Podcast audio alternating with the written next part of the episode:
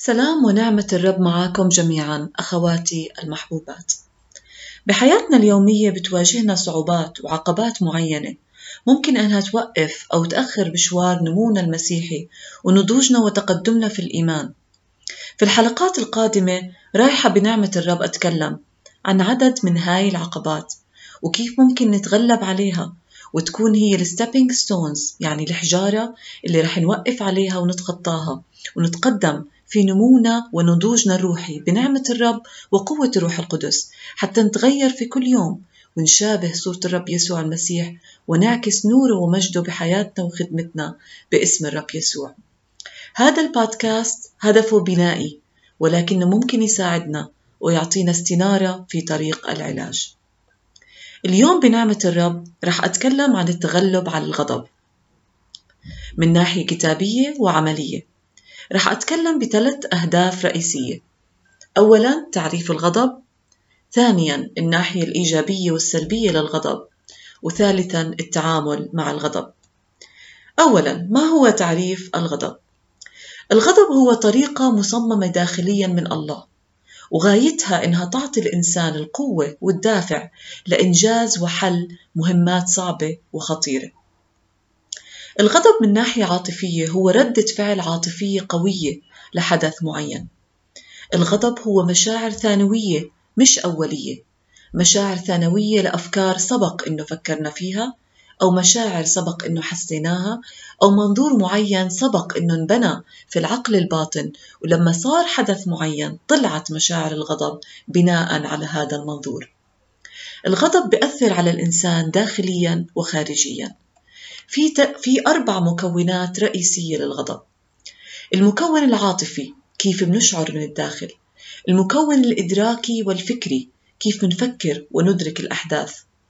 المكون السلوكي كيف نتصرف وإيش بنعمل.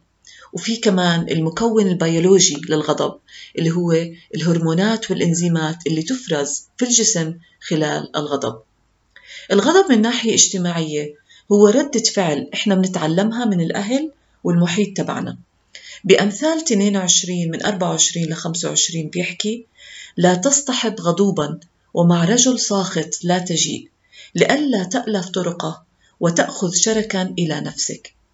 كلمة الله أخواتي بتحذرنا من المحيط اللي بيوجد فيه غضب. بجامعة كمان مكتوب بجامعة سبعة تسعة لا تسرع بروحك إلى الغضب لأن الغضب يستقر. في حضن الجهال. ثانيا الناحية السلبية والإيجابية للغضب. رح أبلش بالناحية السلبية. التعبير عن الغضب أخواتي بتضمن مشاعر من الانزعاج الكراهية العنف الشفقة على الذات نبرة الكلام الغاضبة وغير المريحة انفجارات عصبية فشل شعور بنقص القيمة تشاؤم وحتى العنف اللفظي والجسدي. الناس عادة ما بتعرف تتعامل مع الغضب والغضب عادة بيكون غير قابل للسيطرة عليه وبصير يزيد أكثر وأكثر زي مثلا في الاحتجاجات والإضرابات ممكن يصير يتزايد الغضب ويزيد ويصير يؤدي للاعتداءات والإيذاء وممكن حتى القتل. الغضب اللي ما عرفنا نتعامل معه وعدم الغفران هي مش بس ردات فعل لأخطاء إحنا أدركناها لكنها بالحقيقة هي موقف من الكبرياء اللي بيأذي علاقتنا بالله. الكتاب المقدس بتكوين أربعة بسفر تكوين أربعة بسجل أول حادثة حادثة قتل في البشرية حدثت بسبب الغضب. وبهاي الحالة الغضب الناتج عن الغيرة. مكتوب بتكوين أربعة من أربعة لسبعة وقدم هابيل أيضا من أبكار غنمه ومن سمانها فنظر الرب إلى هابيل وقربانه ولكن إلى قايين وقربانه لم ينظر. فاغتاظ قايين. إيش يعني اغتاظ؟ يعني اشتعل بسبب الغضب. اغتاظ قايين جدا وسقط وجهه. فقال الرب لقايين لماذا اغتظت؟ ولماذا سقط وجهك؟ إن أحسنت أفلا رفع؟ وإن لم تحسن فعند الباب خطية رابضة. هنا الخطية رابضة ممكن تكون بهاي الحالة كانت كراهية قتل غيرة تنافس وحسد. وإليك اشتياقها وأنت تسود عليها. الله بيحكي لنا هون وأنت تسود عليها. يعني مش لازم الخطية تبعت الغضب تتسلط علينا. الله أعطانا سلطان حتى على الغضب إنه إحنا نسيطر عليه. الناحية الثانية هي الناحية الإيجابية. الغضب من ناحية إيجابية بيعطينا تنبيه إنه يوجد خلل عاطفي أو مشاعر غير مقدسة دخلت إلى القلب. ممكن أن نشبه مشاعرنا بلوحة التحكم في السيارة. لما يكون في خلل معين بيضوي ضوء بدل على الخلل اللي صار جوا النظام بالسيارة. وهيك نفس الشيء المشاعر. لما تطلع مشاعر معينة وبهاي الحالة مشاعر الغضب بدنا ننتبه إنه في خلل معين جوا نظام القلب عنا. أدى لهاي المشاعر إنها تطلع. وعشان نستفيد من الغضب إيجابيا ما بدنا نركز على المشاعر تبعت الغضب وما بدنا نخلي الغضب يسيطر علينا ولكن دورنا أنه نوظف الغضب ونسيطر إحنا عليه بإرادتنا الخاضعة لروح الله حتى نعرف إيش سبب الغضب إيش سبب الخلل اللي صار بنظام السيارة من جوا إيش سبب الخلل اللي صار جوا القلب من جوا ونتعامل معه. ممكن أن يكون الغضب أعراض خارجية للفشل لخوف من الفشل للشعور بالذنب للتعب الجسدي للإرهاق للشعور بالظلم للخوف ممكن أو التوتر أو حتى عدم العدالة. وبهاي الحالة إحنا بنعرف إيش اللي صار جوا النظام اللي نظام القلب اللي جواتنا وبنقدر نتعامل مع السبب الرئيسي اللي أدى للغضب. لكن في ناحية إيجابية أخرى للغضب. وهي الغضب الصحيح اللي على صورة الله. بكورنثوس بكورنثوس الثانية آه، إصحاح 11 عدد 29 بيحكي رسول بولس من يضعف وأنا لا أضعف؟ من يعثر وأنا لا ألتهب؟ ألتهب معناها نفس المعنى اللي بآية بتكوين نفس المعنى اللي هي اشتعل بسبب الغضب. الرسول بولس بهاي الآية غضب غضب صحيح. وعلى صورة الله بسبب الناس اللي انعثروا وانقادوا للخطية بسبب تعليم المعلمين الكذبة والمرائين. في فرق بين الغضب الصحيح اللي على صورة الله والغضب السلبي اللي مش على صورة الله واللي بيؤدي للخطية. الغضب الصحيح أبدا ما بيكون خارج عن السيطرة بعكس الغضب اللي بيكون ردة فعل عاطفية بيكون خارج عن السيطرة. الغضب الصحيح سببه الحزن على الخطية والغضب بسبب التمرد على الله وعصيانه بعكس الغضب السلبي اللي سببه الأنانية والتركيز على الذات. الغضب السلبي بقود للخطية مثل القتل أو الإيذاء السلبي بالكلام أو الفعل. لكن الغضب الصحيح بقود لعمل مشيئة الله وبقود للاسترداد من الخطية ومن النار الأبدية. الغضب السلبي هدفه خصام وانفصال. لكن الغضب الصحيح هدفه سلام ووحدة ومحبة. الغضب السلبي بيبعدنا عن الله بسبب الكبرياء وعدم الغفران والشعور بالرفض والذنب. بعكس الغضب الصحيح اللي بيقربنا من الله أكثر بسبب غضبنا على عدم القداسة اللي بنشوفها وعلى الحزن من الخطية على الخطية عشان هيك الغضب الصحيح بيدفع الناس إنها توقف ضد الخطية وضد الشر والمعاناة. الرب يغيرنا ويعطينا صورة الله في كل مشاعرنا ويعطينا فعلا أخواتي غضب صحيح على الخطية باسم الرب يسوع. مكتوب عن الرب يسوع بمرقس 3 5 فنظر حوله إليهم بغضب حزينا على غلاظة قلوبهم وقال للرجل مد يدك. فمدها فعادت يده صحيحة كالأخرى. أخواتي الرب يسوع على الصليب أخذ أو حمل عنا كل غضب الله وحكمه على الخطية. وهلأ إحنا ما علينا غضب وما علينا حكم أو دينونة.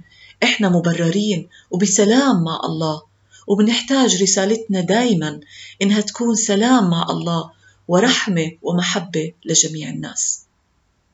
ثالثا التعامل مع الغضب. عشان نعرف نتعامل مع الغضب خلينا ننتبه أخواتي لبعض الأحداث بالحياة اليومية اللي ممكن إنها تقودنا للغضب. إذا أدركنا هاي الأحداث المحفزة للغضب وأصبح عنا وعي ذاتي لإيش بصير جواتنا وإيش بنتركه وإيش بسبب لنا هاي المشاعر وردات الأفعال العصبية بنقدر إنه نسيطر على الغضب ونتعامل معه بطريقة صحية وصحيحة. أول إشي المحيط المتوتر بالشغل والمتطلبات الكثيرة. ممكن يكون حل لهذا المحيط المتوتر إنه نحط حدود للتعامل في العلاقات. وإذا تأخرنا على متطلبات معينة وزادت عن حدها علينا نضلنا ثابتين ونعمل اللي بنقدر عليه على حسب قدراتنا. وكمان ممكن إنه نقيد الأرواح اللي ممكن تكون هي السبب بتوتر الجو المحيط. تاني إشي السواقة إنه نسوق بالأزمة نسوق السيارة بالأزمة. الحل ممكن إنه يكون إنه نطلع أبكر بوقت وإذا مسكنا فعلا بالأزمة نستغل هذا الوقت إنه نسمع مزامير أو آه، نسمع الكتاب المقدس أو ممكن نصلي أو نصلي بالألسنة. ثالث إشي نقص الصحة الجسدية. نقص الصحة الجسدية بيعمل إرهاق وهذا الإرهاق بحفز الغضب. استخدام الكحول كمان بيأثر على الدماغ وبيحفز الغضب. الشعور بنقص القيمة كحل للشعور بنقص القيمة. بنقدر نسمع بودكاست القيمة للقس الدكتور غالب قعوار على بودكاست مركز العائل المسيحي للمشورة. سادس إشي ممكن مرات يكون الغضب بسبب الرغبة في السيطرة على الناس والمواقف بالعلاقات الشخصية أو بالشغل أو بالخدمة أو بالبيت. والحل إنه ندرك إنه الله هو صاحب السلطان والسيادة ونسمح لروح الله يسيطر على المواقف وتكون له الكلمة الأخيرة مش إلنا. سابع إشي الرغبة إنه نكون كاملين.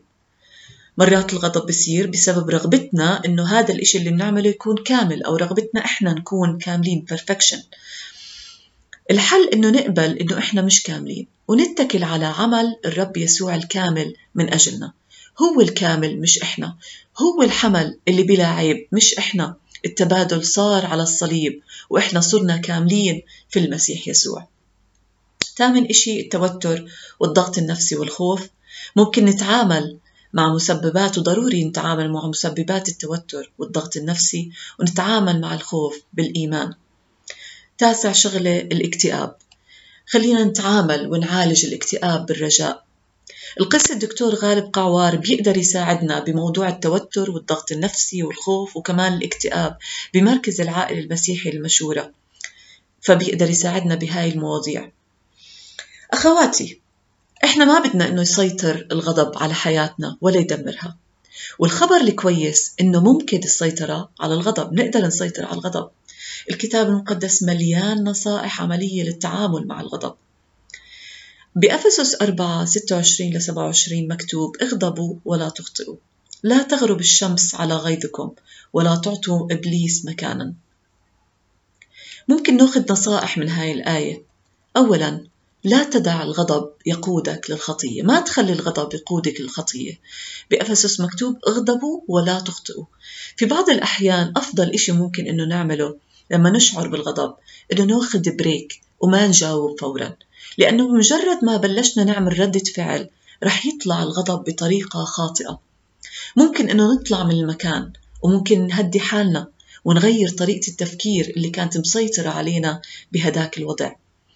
ونعطي أعذار للشخص اللي قدامنا ونشوف الموضوع بوجهة نظر جديدة. تاني إشي لا ننام على الغضب لا تنامي على الغضب. بأفسس 4 26 اغضبوا ولا تخطئوا لا تغرب الشمس على غيظكم. مهم جدا إنه نغفر بسرعة. وما نخلي الغضب جواتنا. الغضب الداخلي المكبوت بيتحول, بيتحول لمرارة. أهم إشي وخصوصا بالخدمة إنه ما نخلي أمور سببت إلنا غضب إنها تضلها مش محلولة.